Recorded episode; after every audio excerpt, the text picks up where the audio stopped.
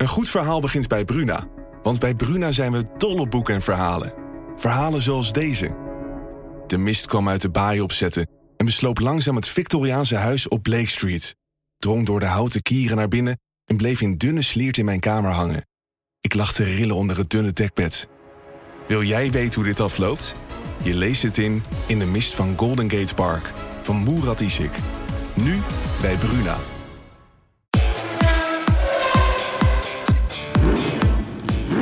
Is de Formule 1-podcast van De Telegraaf. Erik van Haren en Christian Albers praten hierbij over het belangrijkste Formule 1-nieuws. Ja, daar zijn we weer. Het is toch elke week weer een uh, helskarwei om verbinding met elkaar te krijgen. Want Chris, jij zit ergens in een hotelkamer. Hè? Je hebt toch even tijd vrij kunnen maken. We zijn iets later aan het opnemen dan normaal, maar gelukkig wel gewoon op maandag. Dus uh, bedankt daarvoor. Ja, ik zit in een hotelkamer, maar het is wel een gezellige hotelkamer. Er is niks mis mee en um, ik ben blij dat we verbinding met elkaar hebben kunnen maken. Ja, het is gezelliger dan uh, waar ik zit, uh, zoals je ziet. Maar uh, laten we daar verder geen woorden aan vuil maken. ik ben even naar de bezig. Veilige, ja, je hebt wel een veilige kamer. Ik zie je op de, op de achtergrond een brandblussen. Ja, ja, dat zegt misschien ja, ook over mijn, over mijn kookkunst. Ja, dat is vroeger bij mij altijd nodig. Ja, ja, oh, je maakt hem zelf. Heel goed. Um, ja, we hebben de vierde race van het seizoen gehad. Uh, de derde overwinning voor Lewis Hamilton. Max Verstappen werd voor de derde keer tweede. In Imola was het uh, eerder dit jaar andersom. Uh, Chris, ik denk toch wel een enerverende race. Eigenlijk voor het eerst sinds jaren in Spanje. Waar we toch vaak Mercedes met een enorme dominantie hebben gezien. ja, nu winnen ze de race ook. Maar ik denk toch wel dat we een enerverend schouwspel hebben gezien. toch? Ja, we hebben wel gezien dat uh, Mercedes uh, sterk is um, um, op de long run, hè, uh, vooral op de medium tires. Ja. Um, ik denk dat het niet onbelangrijk is om te zeggen van, dat ik echt nog nooit in mijn hele leven zo'n slechte opname heb gezien van de Formule 1. Ik weet niet wat jij ervan vond, maar het is echt. Ik weet niet wie daar de camera's heeft bediend. Maar het was dramatisch. Ik bedoel, je hebt een gevecht tussen Lewis Hamilton en Max Verstappen wat om het wereldkampioenschap gaat. Hè, die gaan strijden om wereldkampioen te worden. En in gewoon de gevechten die er waren, hebben ze gewoon in één keer het achterveld gingen ja. in één keer allemaal filmen. Ja, ik, zegt. Ik, werd, ik werd er echt, ik zweer het je, ik werd er helemaal gek op, op de bank. Ik zat rustig te kijken en ik denk, ik wil het gevecht zien. Want je zag dat Lewis dichterbij kwam. Hè, dat hij, het was, ging elke keer om het momentum of hij wel in de DRS-zone kwam of niet in de DRS-zone. En ze waren alleen maar druk bezig met andere, andere gevechten in het veld die niet eens, die, die, waar niet eens inhaalacties waren. Dus ik moet je eerlijk nee. zeggen dat ik echt uh, uh, behoorlijk geïrriteerd was over, uh, over de race qua, um, ja, qua regie die dat in handen had. Ja, ik je, moet, je moet ik wel zeggen, zeggen. Nu moet ik wel zeggen dat het niet heel moeilijk is om jou op de kast te krijgen. Maar de regie in Spanje is het ook weer gelukt. Je hebt wel gelijk, want ik kan me herinneren een beetje aan het einde van de eerste stint. Toen Hamilton echt dicht bij uh, Max kwam. Op een gegeven moment was het, denk ik, was het denk ik vier, vijf, uh, een halve seconde ongeveer. En, en toen was het heel klein in beeld, zo linksbovenin of zo. Bij de, bij de ja, alleen in de camera van Lewis, toch? Ja, ja, dat, ja nu je het zegt. Ja. goed punt. Um, laten mensen gewoon... kunnen niet zeggen, bij ons was het niet zo. Want het is maar één, ja. is maar één uitzending. Iedereen kreeg hetzelfde beeld. Iedereen ja. kreeg hetzelfde beeldmateriaal. Dus um, ja, ik vond het echt mega slecht gefilmd. Echt, vond het echt frustrerend toe, moet ik ja. zeggen. Los van die uh, frustratie, uh, we, we, hebben heel veel vragen binnengekregen. Ik kan ze helaas niet allemaal behandelen, denk ik. Um, maar laat ik even een paar, ik denk dat aan het eind weer even een blokje doen met wat andere vragen. Maar de meeste vragen die ik binnenkreeg uh, gingen uiteraard toch over het duel Verstappen-Hamilton. Um, en dan is de eerste, het eerste punt waar veel mensen, uh, waar je net eigenlijk over begon, heb jij daar een verklaring voor? Of denk jij dat we kunnen weten of in te schatten waarom Mercedes uh, qua race pace op zondag zo sterk oogt? In ieder geval sterker dan Red Bull. En ook op die, inderdaad met, die, met, die, met dat bandenmanagement. Want eigenlijk gaan ze harder, maar die banden gaan ook minder hard aan. Dat klinkt een beetje tegenstrijdig, maar toch is het zo.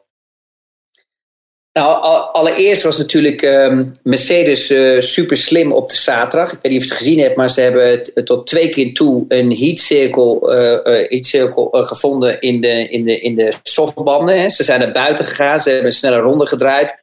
Daarna is Lewis Hamilton nog een keer naar buiten gegaan met hetzelfde set, volgens mij weer een, een scrub. Dat betekent dat je twee keer zo'n heat cycle krijgt. Hè. Dus je krijgt als ware, je warmt de banden op, dan koelen ze weer af. En dan gebruiken ze daarna weer en dan warmen je ze weer op en koelen ze weer af. Wat gebeurt er dan eigenlijk met zo'n band? is dat je eigenlijk stiekem een compound harder maakt, de band. Want die band die wordt wat harder omdat je hem al een keer gebruikt hebt als een nieuwe set. Een nieuwe set, als je daarmee gaat beginnen, je gaat gelijk een long run doen. Dus dat wil zeggen heel veel rondjes achter elkaar. Dan heb je een veel hogere temperatuur in de band. Hè, en dan is, de, is, de, is de, eigenlijk het rubber veel zachter. Weet je, zoals ja, gummies noemen we dat wel eens. Dat is dan eigenlijk heel zacht, want die is een, een warme temperatuur. Maar als je zo'n band een keer gebruikt hebt en je hebt hem af laten koelen. En je gebruikt hem weer en je hebt hem af laten koelen. Elke keer die afkoelprocedure uh, zorgt ervoor dat eigenlijk simpelweg uitgelegd is dat je die softband meer richting de mediumband uh, ja. drukt. Dus wat, dus wat ze gedaan hebben bij Mercedes is gezorgd, uh, gezorgd hebben dat je in het begin van de race eigenlijk een band hebt. Waar je, dus je, je start op de soft. Maar hij is eigenlijk al stiekem een compoundje harder als dat Max op de auto hebt zitten. Bijna het wordt bijna medium, zeg maar. Ja, hij gaat richting medium. Tussenin, ja. Ja, ja. dat is maar, los, maar, maar, maar los daarvan zie je toch, uh, je hebt het al vaker gezegd hoor, voor jou, uh, ik heb je gisteren ook gebeld na de race en uh, gezegd dat, ja, het kreeg bijna niet uit mijn strot, maar dat, dat, dat eigenlijk al jouw voorspellingen waren uitgekomen. Dus dat wil ik dan ook ben ik dan ook alweer mans genoeg voor om dat uh, in, in, de, in de podcast te zeggen. Uh, met moeite, dat wel. Maar je ziet toch dat, uh, dat is toch wel een trend. We hebben pas vier races gehad, dat weet ik ook wel. Maar dat Mercedes op die zondag wel erg, ja, in ieder geval solide oogt. En jij hebt al eens gezegd misschien dat het door de langere wielbasis komt. Maar is het zo simpel of heb je daar een verklaring voor? Dat, daar zitten toch veel mensen, vragen zich dat af. Nou, er zijn meerdere factoren. de eerste factor is eigenlijk dat Lewis uh, meer in de race zit als een marathon. En dat ik het gevoel heb bij Max dat het meer naar, eh, richting een sprintrace gaat. Hè. Max zie je dat hij in het begin gelijk wegloopt, dat hij wat agressiever daar is, dat hij wat meer snelheid, dat hij wat meer pusht. Je ziet dat Lewis eigenlijk als, het als een soort diesel begint. Hè. Hij gaat wat rustig, hij is heel voorzichtig op die banden. En dan zie je eigenlijk dat Max door die hele run, eh, die eerste 10, 12 ronden sneller is. En dan op een gegeven moment zie je in één keer dat Lewis Hamilton echt dat snelheidsverschil gaat komen. Ja. Nou, dat kan zijn dat Max uh, te veel pusht in het begin van de race, hè, waardoor hij dus eigenlijk zijn banden oprookt, hè, zo noemen we dat even simpelweg. Uh, maar het kan ook een combinatie zijn van beide. Het kan ook zijn natuurlijk dat de Red Bull gewoon meer temperatuur creëert in die banden. Hè, dus dat wat toch wat agressiever is, de auto voor de banden. Dat ze dus wat minder sterk zijn in de long run. Dat Max denkt van oké, luister eens, ik moet gelijk wegkomen, een gat slaan. En ik weet dat ik het op het einde ga verliezen van de, van, van de Mercedes. Um, het kan ook zijn dat Max gewoon uh, veel, meer, uh, veel meer approach heeft om gewoon gelijk de uh, gas erop te. En, en, en eigenlijk een beetje zelf zijn banden op, op ja, gumt als het ware, hè, op verbrand. En dan zie je dat Lewis uh, dat door die run heen, eigenlijk bij elke run, en dat hebben we gezien bij alle Grand Prix nu, dat aan het einde van de stint, dat hij altijd gewoon echt ja, veel sneller is. Ja. Als, dat, als dat max is. Nou, en daar moet Red Bull zich gewoon nu op gaan uh, focussen, natuurlijk met de eerstvolgende Grand Prix die eraan komen. En dat, en, dat, en dat heeft te maken, denk ik, met meerdere factoren. Eén, Lewis begint gewoon echt rustiger. Die zet minder hard aan in het begin. Ja, waardoor hij dus echt de banden veel rustiger op temperatuur laat komen. In plaats van in één keer poef een piek. Ja, want dat, dat, dat maakt het heel erg uh, ja, moeilijk voor de banden. En nummer twee kan het zijn natuurlijk ook de uh, autoafstelling. En dat kan te maken hebben bijvoorbeeld met een iets langere wielbasis dat ze hebben. Dat die, de auto iets rustiger is. Hè, dat het iets makkelijker is te besturen. Dat het iets minder agressief is voor de banden. En dat kan ook te maken hebben met setup. Dus er zijn er wel meerdere factoren die een rol spelen. Um, maar kort door de bocht. Het heeft te maken gewoon dat uh, uh, het totale package bij Lewis beter functioneert als bij Max Verstappen. Um, nou hebben we natuurlijk ook Max, die eigenlijk echt op het limiet rijdt van, limiet rijdt van, van de Red Bull. Dus die staat altijd ergens waar hij niet hoort te staan. Wat het ook nog eens een keer wat moeilijker maakt voor mij en voor alle fans, maar ook alle uh, uh, mensen die er verstand van hebben, is natuurlijk te weten waar die Red Bull zou moeten staan in zo'n long run. Want als je natuurlijk iemand hebt die zeg maar, beter presteert dan dat de auto zelf aan kan, ja, dan vraag je natuurlijk ook veel meer van de banden. Als dat, als, dat, als dat de auto aan kan en als dat de banden aan kunnen. Dus dat is een beetje, dat is een beetje het moeilijke um, zeg maar, in, in, het, in, het, in het hele ja, het bekijken eigenlijk en het analyseren van de race. Ehm, en, maar je ziet bijvoorbeeld hetzelfde bij Bottas. Als ik weer ga kijken naar de race. En ik, ik, ik ga die twee met elkaar vergelijken. Een Lewis en een, en een, en een Max. Hè, dan liggen ze redelijk bij elkaar. Hè. Je ziet eigenlijk in een qualifying dat het bijna nieuw is. Hè. Dus je ziet dat de, dat de Red Bull geen slechte qualifying auto is. Hè. Met Max in de auto. Hè, dus het totale pakket. Um, en je, en, maar je ziet bijvoorbeeld in de race dat hij tekort komt. Maar als je gaat kijken bijvoorbeeld wat, wat hij tekort komt bij Bottas, is dat eigenlijk niks. Nee, daar staat hij eigenlijk voor. Correct. Dus dan kun je dus- toch als coureur nog het verschil maken. Ja. dan zie je dus ook aan de andere kant weer Lewis, die ten opzichte van Bottas en ook weer van Max, met misschien een betere auto, of misschien met waarschijnlijk een betere auto op zondag, ook weer het verschil maakt. Want het is natuurlijk geen toeval dat Lewis drie races heeft gewonnen en Verstappen één. Ja, daar heb, daar heb je gelijk in. Maar je ziet dus wel duidelijk een verschil tussen de eerste coureur en de tweede coureur. Hè, als we die dan even zo simpelweg uh, benoemen. Je, je ziet dat de tweede coureur continu niet aan kan poten. En dat zie je bijvoorbeeld. Het verschil, wat, uh, het echte verschil is dat Bottas het dan toch iets beter voor elkaar heeft. Hè? Dus Mercedes heeft het beter voor elkaar met Bottas. als dat Red Bull het heeft met Perez. Ja. En het maakt niet uit als Perez tiende kwalificeert. Je, daar, ligt, liggen ze niet wakker van. Als hij maar zorgt dat hij gewoon de eerste bocht, weet je, de aansluiting kan vinden bij de eerste vier. Want dat zorgt ervoor dat je dus eigenlijk die hele strategie om zeep kan helpen van uh, uh, Mercedes. Want Mercedes elke keer, die kunnen gaan kijken en gaan spelen. Uh, en die komen altijd terecht bij de eerste drie. Dus ze hebben nooit ergens waar ze een verlies hebben qua strategie. En dat, heb je, en dat, en dat heeft Max natuurlijk wel continu met, met Bottas in zijn nek.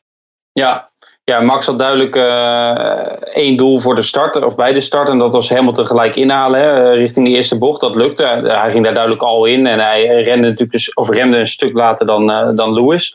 Um, maar ze zei bij Red Bull ook, en ik had toch het idee dat ze zich daar toch wel zorgen, dat ze wel zorgen baart. Dat snap ik ook wel. Dat ze zei van ja, Hamilton, ook in die eerste stint, hij zat een beetje één seconde, anderhalve seconde achter Verstappen. Maar zonder dat zijn banden eraan gingen. Dus je ziet, en, en Max zei, ook later in de tweede stint, probeerde ik de tijden van Hamilton een beetje te matchen. Wat overigens niet uh, lukte, maar dat mijn banden er zo snel aangingen. En die van, hem, die, die van, uh, van Hamilton, die bleven gewoon uh, ja, veel, veel langer goed, laat ik het even simpel zeggen.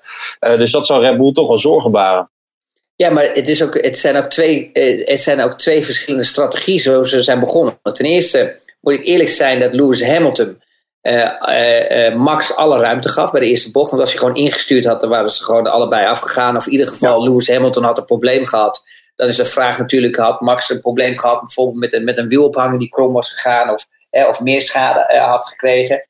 Um, dat hele approach van Max natuurlijk naar die eerste bocht is natuurlijk gewoon Lewis Hamilton verslaan.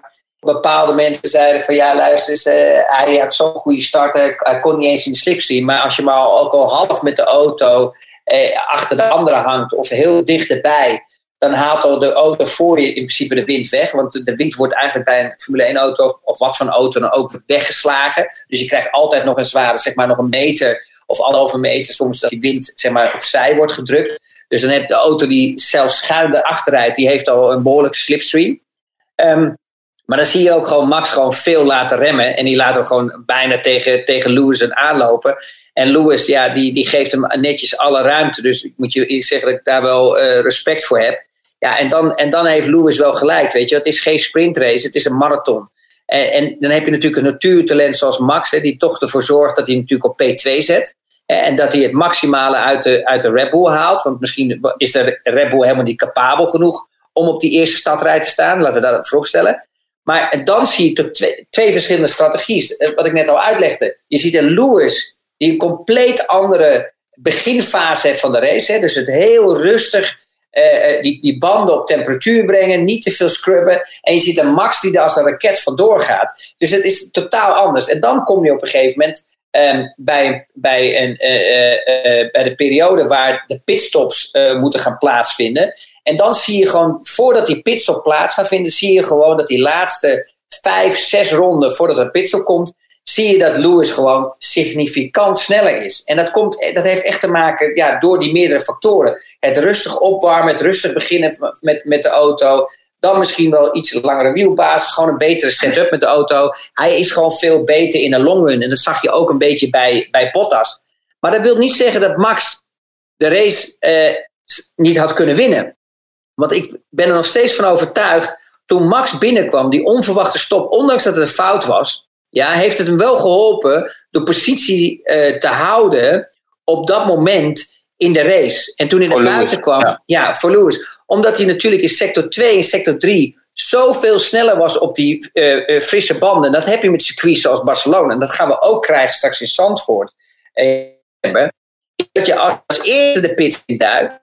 Ja, en dat heb je niet altijd al, uh, vaak, want je verliest ook heel veel als je als eerste naar binnen, de binnen duikt en naar buiten rijdt. Want je, je moet je banden opwarmen, gaat zo maar door allemaal, ondanks dat ze in de bandenwarmer zijn. Maar je zag dat Max uh, zoveel sneller was, dat hij eigenlijk, dat Lewis geen kans meer had om naar binnen te komen. Dus Lewis was geforceerd om door te rijden, want anders had hij zijn positie verloren. En dat was eigenlijk het stomme van Lewis, is dat hij is niet direct naar binnen gegaan, hij is door gaan rijden. En toen had Max eigenlijk alle mogelijkheden om nog steeds de race te kunnen winnen. Want ook zijn eerste overwinning ooit, en dat eh, we gezien hebben natuurlijk in Barcelona daarvoor, en jij kan dat beter uh, uitleggen met, met Raikkonen, was natuurlijk een, een geweldige race. De, uh, aan de druk kan het niet liggen, want Max is daar echt een, ja, weet je, een coole kikker in. Die kan gewoon met 20, 30 ronden iemand achter hem hebben een, een Grand Prix winnen. Dat hebben we al zo vaak gezien. Maar wat gebeurde op een gegeven moment is dat, dat Lewis uh, ging aanpoten. En zag je dat Lewis op een gegeven moment weer in, in zijn slipstream kwam. Hè, en in zijn vieze lucht. En toen zag je dat hij eigenlijk niet meer erbij kon komen. Ja. En wat er toen gebeurde is, daar had Red Bull het risico moeten nemen om weer als eerste een pitstop te maken.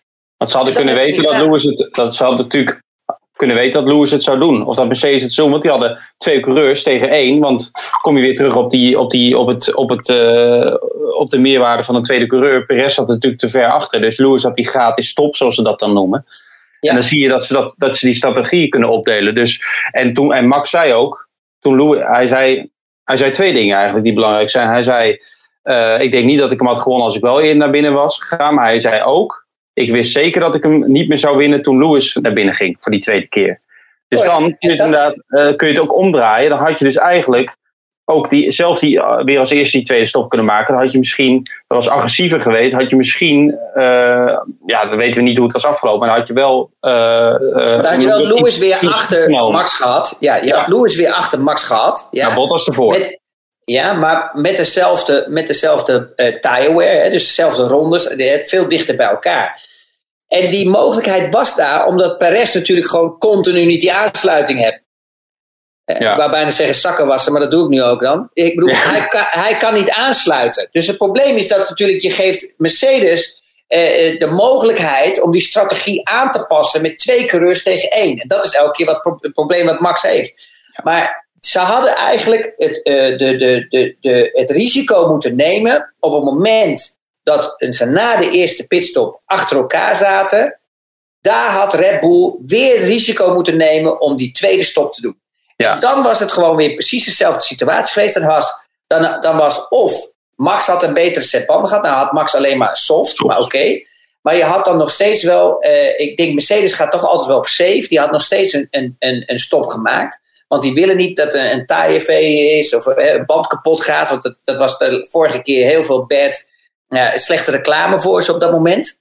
Dus dat willen ze niet meer. Maar dan had je weer Lewis gehad achter Max. En waar, waar juist de, overwinningskans zit, is dat als Max, als Lewis niet direct voorbij gaat, dan heb je weer het moment dat hij dus in de vieze lucht rijdt. En daar krijg je het moment dat hij zijn banden opwarmt. Ja, want je krijgt meer, minder druk op de auto. Dus dat betekent dat die, dat die banden minder gedrukt worden in het asfalt. Die komen dus ietsje van het asfalt af. Waardoor je dus meer onderstuur hebt, waardoor je dus meer gaat glijden. En met meer glijden krijg je meer temperatuur in die banden. En dan worden die banden alleen maar slechter. En dat, en dat hebben ze, eh, van mijn inzien, heeft Red Bull het daar gewoon fout gehad met de strategie.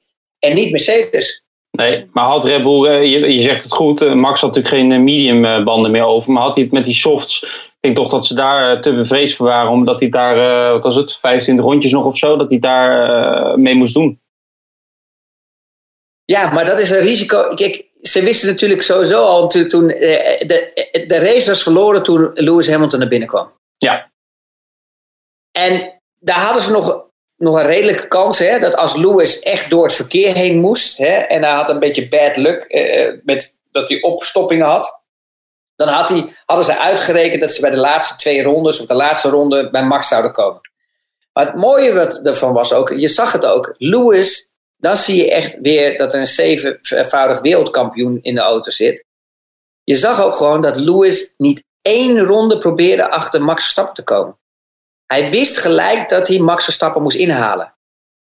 Hij deed het ook direct. Ja. Want als hij dat niet doet in de eerste ronde, dat hij, als hij de aansluiting krijgt hè, met zijn set banden, dat hij zo snel onderweg was, dan was, hij de, dan was elke ronde dat hij achter Max bleef hangen, was een ronde minder kans dat hij, eh, of tenminste, dus een, een, een mindere kans om er voorbij te komen. Dat is eigenlijk precies wat, wat in Bahrein gebeurde. Hè. Toen was er wat kritiek op Verstappen dat hij het in- toen in bocht 4 probeerde bij Lewis. Maar toen zei jij ook van, ja, dat is allemaal makkelijk praten. Maar als je de kans hebt, dan moet je het eigenlijk gelijk doen. Zeker in zo'n fase Ja. van de wedstrijd.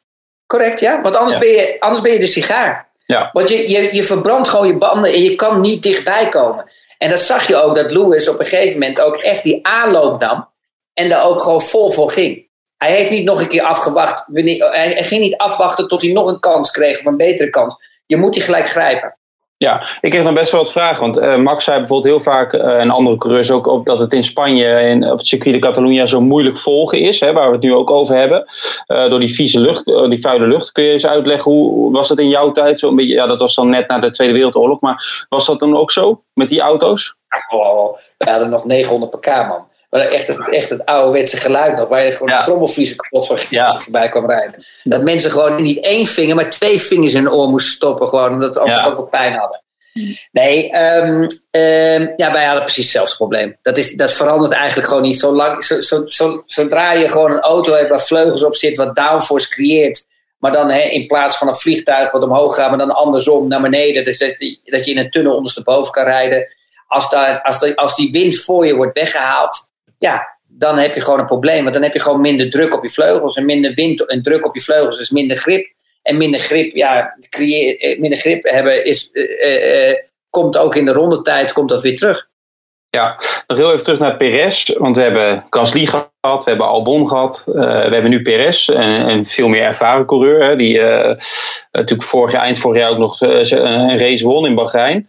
Ehm, maar ja, het seizoen is pas vier races onderweg. Dus laten we niet te snel concluderen. Maar eh, tot nu toe heeft hij Max nog niet kunnen, kunnen helpen. Die conclusie kunnen we wel trekken. Maar laat dat niet ook gewoon zien. Want ja, Gasly, het is toch niet helemaal een koekenbakker. En Perez ook niet. Dat, dat Verstappen dan toch die Red Bull er weer beter uit laat zien dan die misschien is?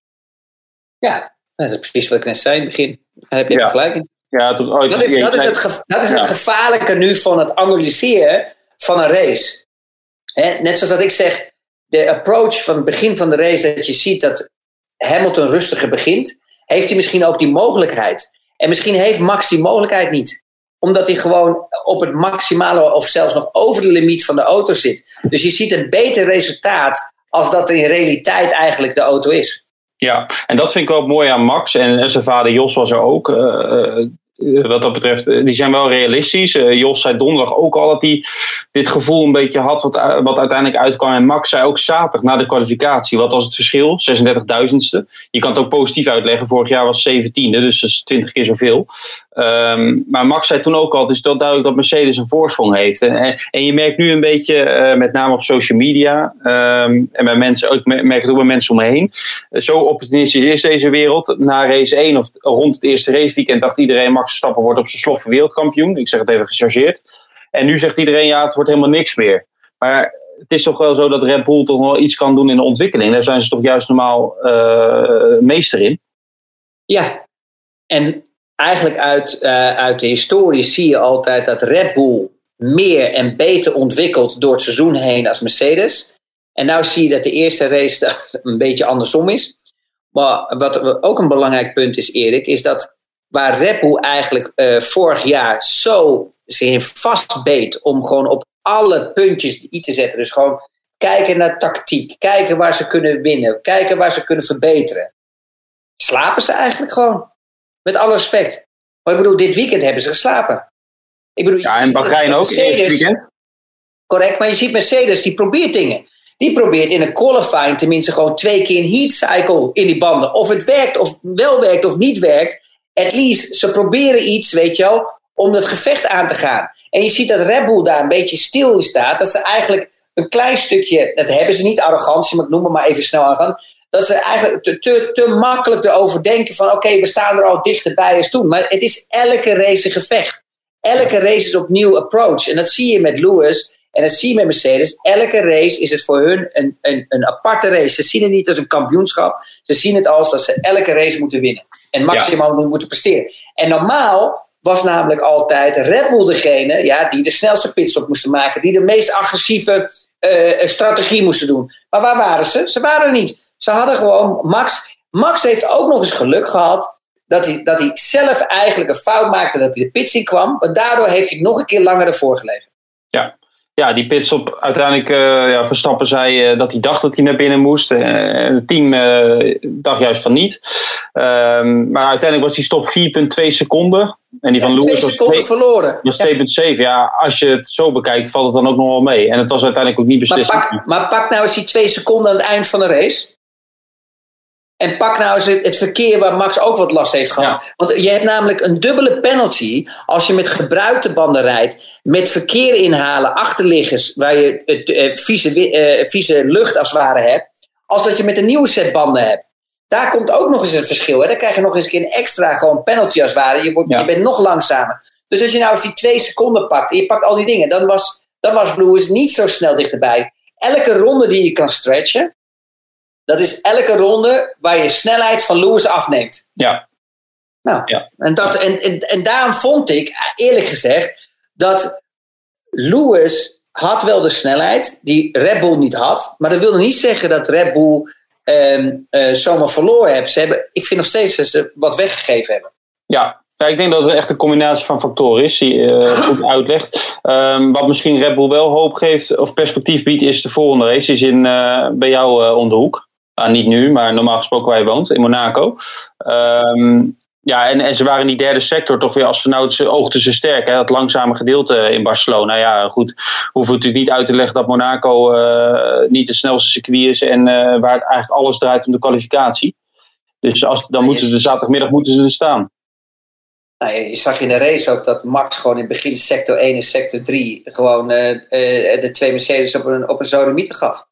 Ja, ook in sector 1 inderdaad, met het rechte ja, sector erbij. 1, ja. sector 1, ja. Maar je hebt daar natuurlijk toch wel wat hè, van, van, van snelheid, hè, van, van, snelheid eh, van, van, van richting veranderen bedoel ik. Hè. Dus je, komt, je remt als het ware de, de, de, de chicane in. Je moet van, van, van de richting veranderen, waar de Red Bull goed in is. Hè, iets kortere wielbasis, wat sneller. En wat de Red Bull gewoon heel eh, goed heeft vergeleken bij Mercedes, is gewoon die tractie. En, en dat zie je natuurlijk ook in die laatste sector natuurlijk. Het uitaccelereren, het rechte stuk op. Daar pakte Max ook echt heel veel. Hè? En het, het laten rollen van de auto. Ja, dat wordt gewoon... Uh, ik persoonlijk denk gewoon dat hij, dat hij in, um, in uh, Monaco kan winnen. Ja, nou dat idee heb ik uh, ook. Dus dan zijn we het toch uh, daarover eens. Ik begreep het zou ook een keer gaaf zijn, hè? Nederlander, hè? die wint in Monaco. Ja, dat dan, ja en Max is nog niet heel gelukkig geweest. Nee, het zal hem eh, gegund zijn. Uh, ik begreep ook dat Red Bull vorige week in Portugal waren ze met een pakket met updates gekomen. Maar eh, onder meer de voorvleugel die ze toen nieuw hadden, die hebben ze nog helemaal niet gebruikt. In ieder geval Max heeft die nog niet gebruikt. Dan blijkt toch, toch wel dat daar nog niet iets helemaal goed zat. Maar ze moeten toch bijvoorbeeld in Baku of wat krijgen we daarna, Turkije. Waar overigens ook veel twijfel over is of dat doorgaat. Ik hoorde, ik hoorde dat die races misschien worden omgedraaid vanwege de quarantaineregels in Engeland. Net voor onze opname kreeg ik door dat er misschien zelfs gesproken wordt dat, dat Turkije er helemaal afgaat dat er twee keer op Paul Ricard eh, wordt gereden. Dat, dat hoop ik overigens niet. Maar ze zijn allerlei opties aan het onderzoeken. Dat blijkt wel. Dus het zegt wel genoeg. Uh, en dit gaat over races die over een maand al, uh, al zijn. Um, ja, had je nog iets anders? Want ik heb nog heel veel vragen door te nemen. Had je nog iets wat je wilde, iets over Ferrari of over uh, McLaren, Ricciardo? Nou, uh, wat me opviel, ten eerste wat ik uh, belachelijk vond, is die straf van Massapin. met alle de kwalificatie? Bedoel, ja, de kwalificatie. Daar ging natuurlijk nergens over. Wat wil je? Wil je dat je Formule 1-auto gaat parkeren aan de rechterkant, terwijl je alle radiators het maximale performance wilt hebben, met, de, met, met de juiste temperatuur van de motoren. ik, vol, volgens mij was het voor hem de beste oplossing om, gewoon, oplossing om, om, om door te rijden. En ik denk dat daar um, Lando het minste verloren heeft. En dan krijgt hij, dat, dat je dan, oké, dat je dan, weet je wel, ja, een penalty grid krijgt. Ja, ze toch onderaan achteraan. Maar dan, maar dan punten, weet je wel, die punten. Ja, ik vind een strafpunt op je licentie, ja. Hij heeft er nu twee. Je mag gemakkelijk, als je de twaalf hebt, word je een race geschorst. Maar zover is het nog niet. Maar Maaspin is wel, uh, het is wel een beetje de pispaaltje aan het worden. In ieder geval bij het publiek. Ja, maar weet je wat het lullige ervan is? Wat heel veel mensen vergeten altijd. Degene die achteraan meerijdt, hè, dat is nog steeds een, een natuurtalent. Of tenminste nog steeds een talent. Hè? Ik bedoel, het is geen natuurtalent zoals Max. Want anders had hij, hadden ze hem eerder opgepakt. Maar je kan soms ook als talent pech hebben dat je niet in zijn topteam komt. Ook daar moet je uh, geluk creëren en geluk hebben om daarin te komen.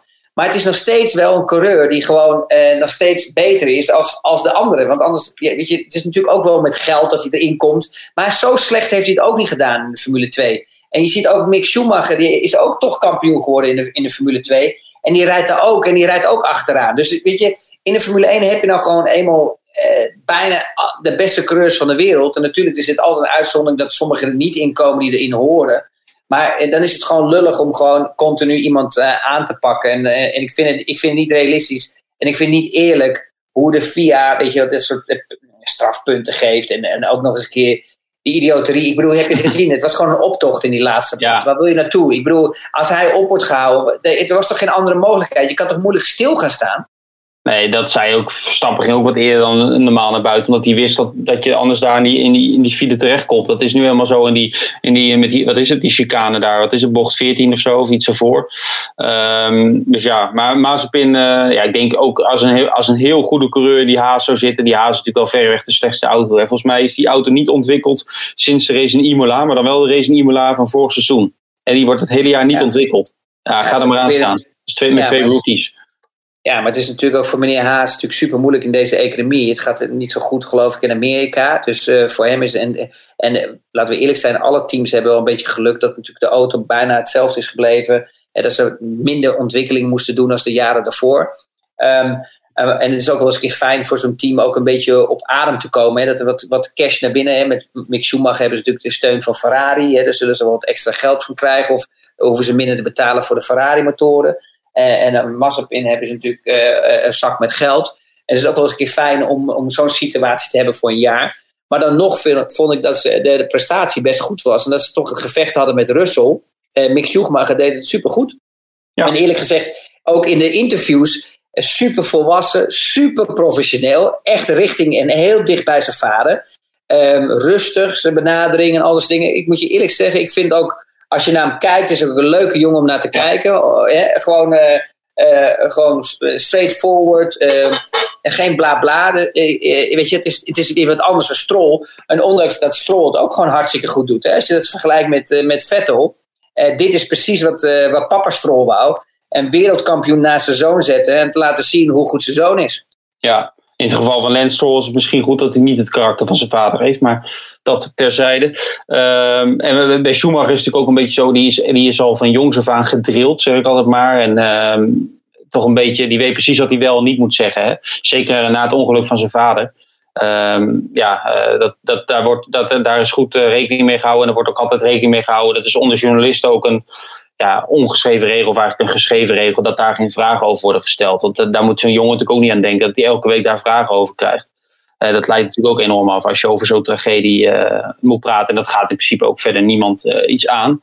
Um, wat, Alpine vind ik ook al, die waren in Portugal natuurlijk al sterk. En dan kun je natuurlijk zeggen, is een ander circuit. Maar nu op een normaal circuit, laat ik het even zo zeggen, oogt ze ook heel sterk. En ook kon, ik moet zeggen, aan het begin van het seizoen, uh, of eind vorig seizoen, toen bekend was dat Alonso terug zou komen. Uh, veel journalisten, ook de, zeker de chauvinistische Spanjaarden, zeiden nou die Alonso gaat ook kon helemaal uh, naar de Galamiezen rijden. En dat wordt een soort, soort vergelijking met, met Stoffen van Doornen toen. Nou, ik vind dat Ocon zich kranig weert. Ja, ik vind dat Ocon het ook verrassend goed doet. Um, uh, Alpine, ja, die heeft, gewoon, uh, die heeft het gewoon supergoed gedaan in de ontwikkeling. Je ziet gewoon echt dat ze stappen maken. Ze zijn goed in qualifying, zitten ze toch erbij. In de race zie je dat ze toch een beetje afzakken. Hè? Dus dat ze dus ook moeite hebben natuurlijk om die banden te sparen. Um, ik had verwacht ook dat uh, Alonso, maar het seizoen is, is pas net begonnen, dus laten we nog heel even kijken. Maar je ziet dat Alonso ook een ja, een, een andere coureur is die ook kon. Hè. Je ziet daar, en dan krijgen we eigenlijk weer een beetje waar we in het begin van de podcast mee begonnen. Is je ziet dat uh, Alonso een veel agressieve approach heeft. Hè. Dus veel harder, veel agressiever rijdt, veel wilder rijdt als Ocon. En dan zie je dus ook het verschil in, in, zeg maar in longruns. Je ziet dat ook door de race heen. Je ziet op een gegeven moment dat Alonso uh, dan het verliest. Maar uh, de strategie, die vond, ik wel, die vond ik wel fantastisch voor Alpine. Want als je zag bijvoorbeeld dat Alonso nog gewoon in P10, P9, P10 reed op het eind van de race. Jammer dat zijn banden echt helemaal inzakten. Ja, maar er was de mogelijkheid daar. En ze proberen tenminste, weet je, die twee auto's in die punten te krijgen. Uh, jammer genoeg is maar eentje is, is het gelukt. Maar het is, wel, uh, het is wel cool om te zien dat ze het in ieder geval proberen met Alonso om door te laten rijden.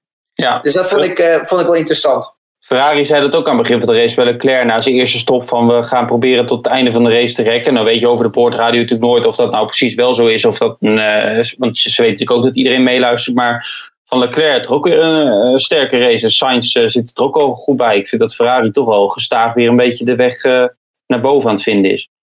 Uh, Ferrari doet het supergoed, maar je ziet ook gewoon twee coureurs die aan elkaar gewaagd zijn. Je ziet dat Sainz elke keer een klap in het gezicht geeft bij Leclerc in de trainingen, en in, in, zelfs in de laatste practice. En dan in qualifying ook nog. Ja, en dan zie je toch, moet je eerlijk weer zeggen, ik had het niet verwacht.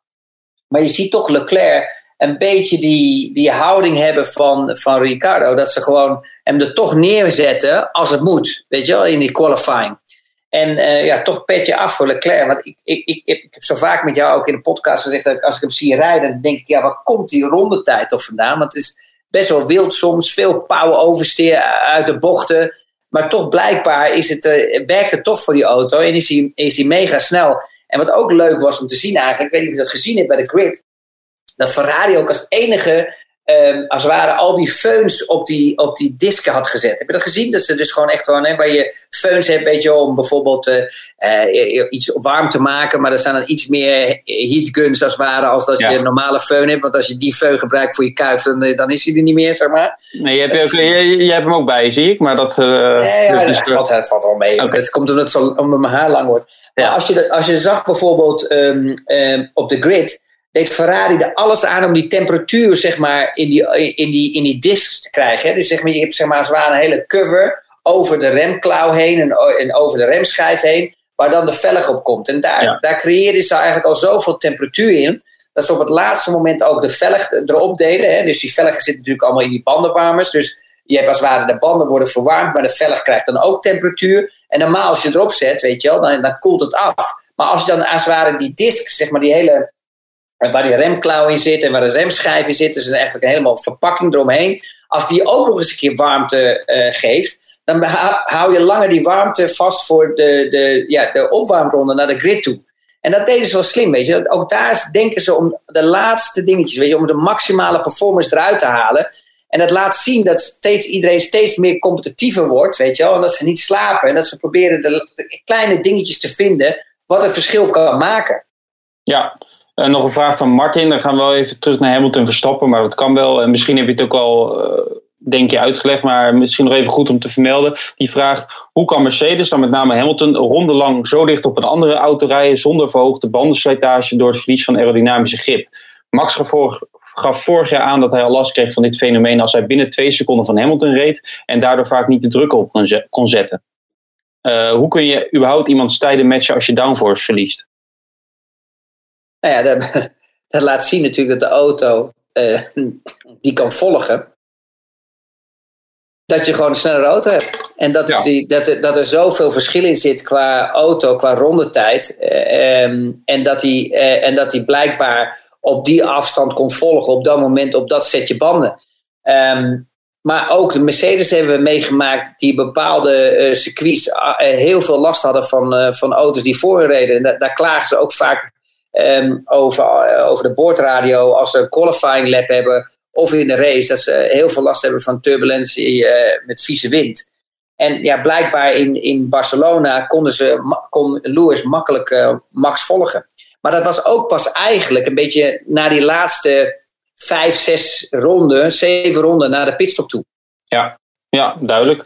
Uh, Dennis Broekhart uh, die vroeg aan mij uh, dat afgelopen weekend was mijn 50ste race. welke race was voor jou het speciaalst of meest bijzonder? Het was afgelopen weekend niet mijn 50ste race die ik bezocht. Ik kwam er pas achter, maar dat was volgens mij Imola. Maakt er niet zo uit. Ik heb in ieder geval nog geen 100 zoals Max bij Red Bull. Ehm, meest bijzonder als ik wat met het eerste binnenschiet is de race in Australië van vorig jaar. Nou, die ging uiteindelijk niet door, maar dat was journalistiek wel heel interessant met het begin van de coronacrisis. Uh, en qua race zou ik zeggen, toch de race in Duitsland 2019, Hockenheim, de, de bekende regenrace, waar alles misging bij Mercedes, waar Verstappen won, waar Vettel volgens mij van P20 naar P2 reed en ook Fiat op het podium stond. Uh, Chris, heb jij nog een, race die bij jou gelijk, waar jij bij was als, als coureur of als teambaas, die gelijk zo hup te binnen schiet? Waar je heel veel goede herinneringen aan hebt bijvoorbeeld? Nee, dus, ja, nu niet. Maar ik, ik, heb wel een race waar ik zeg van wat, wat, uh, wat heel speciaal was. En daar was ik zelf niet bij. Maar als ik dan terug ga kijken naar de tijd van Michael Schumacher in Barcelona. Omdat je ook zeg maar een, uh, ja, een, een, een, een, stukje film kreeg met Formule 1 ook. Ja, dat was wel gigantisch dat Michael Schumacher daar een super slechte start had in, uh, in Barcelona met de Ferrari nog. Dat was volgens mij in 98 uit mijn hoofd, denk ik. 98 of 97 zelfs nog. Toen Ferrari nog niet.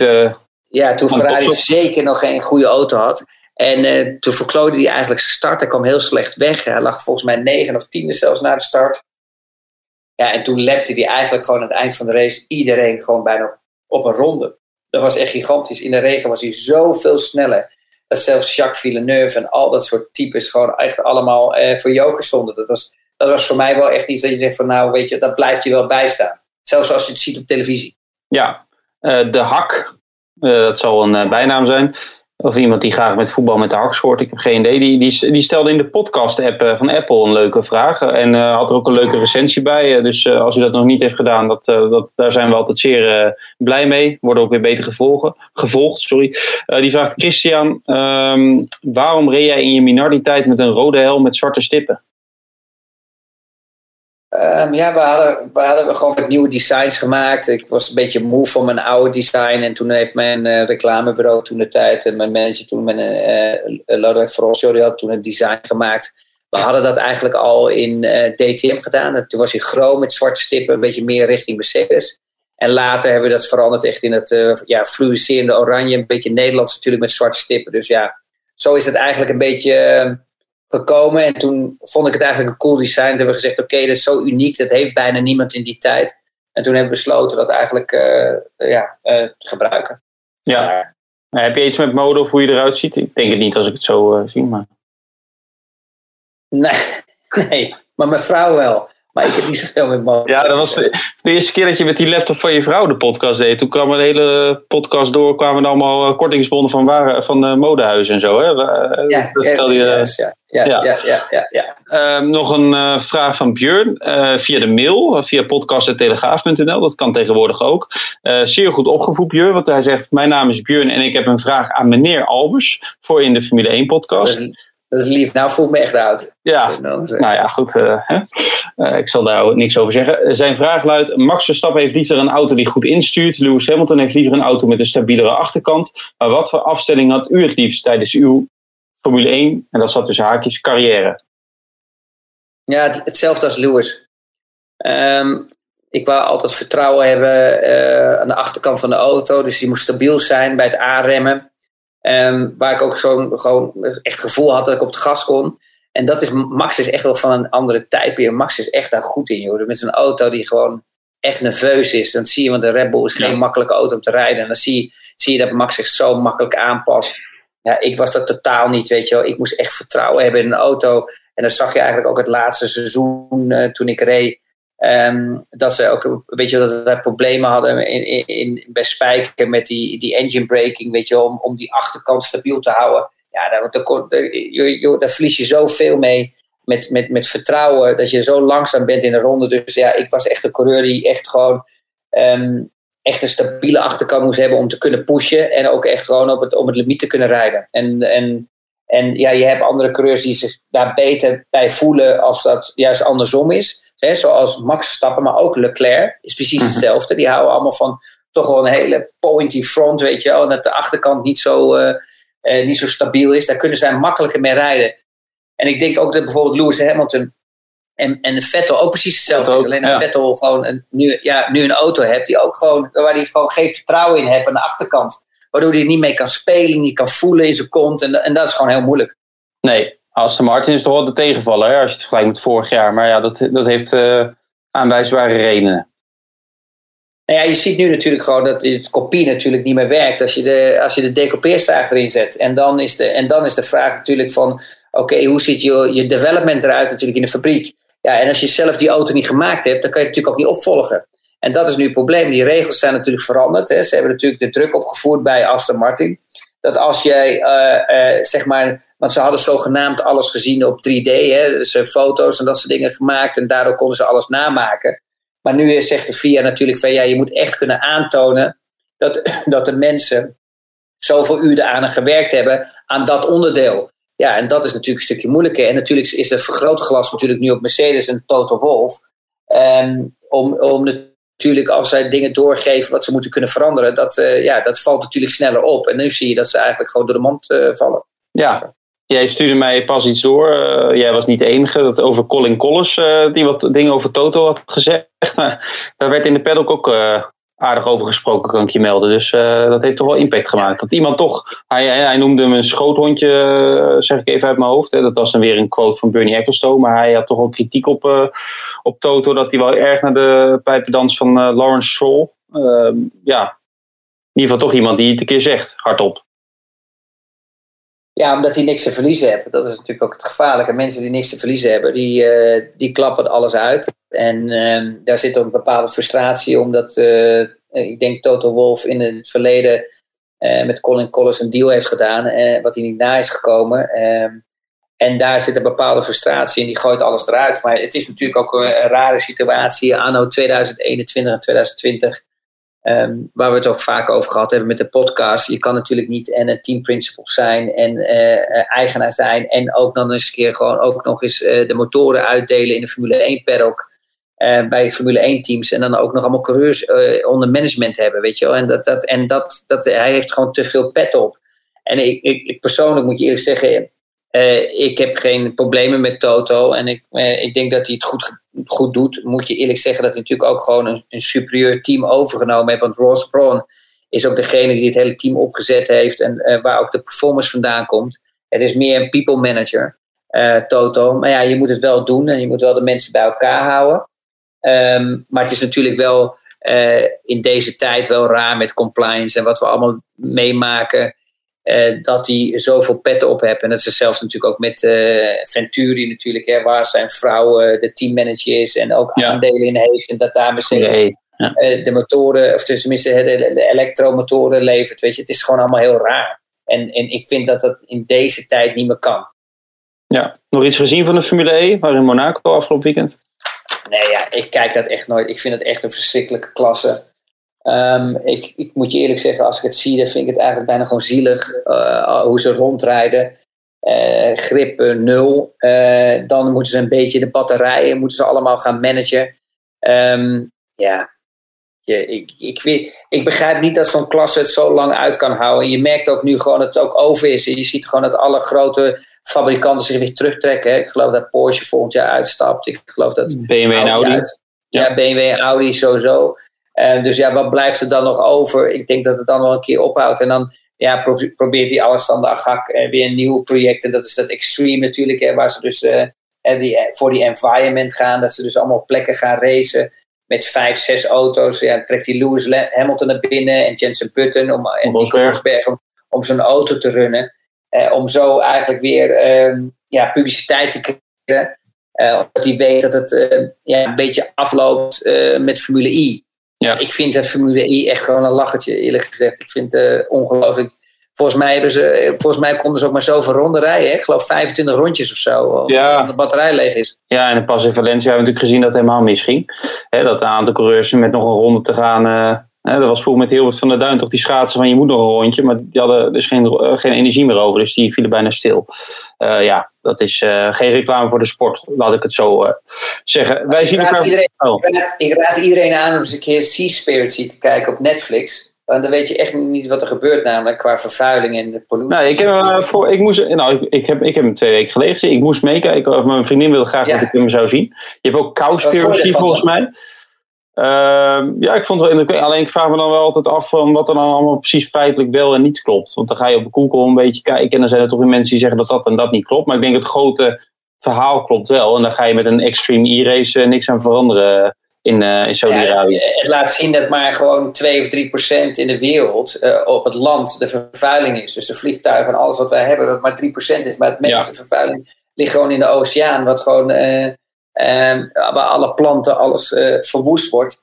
Ja. en de veeteelt, hè? Ja, en het, ja en, het, en het ecosysteem. En dat, en dat zorgt er gewoon voor eigenlijk, dat, dat is de grootste schade. Dus zo daar, daar hebben we wel eens vaak over gehad. Er zijn zoveel aan het investeren je hebt veel grotere impact als je dat bijvoorbeeld in India doet of in, in Afrika.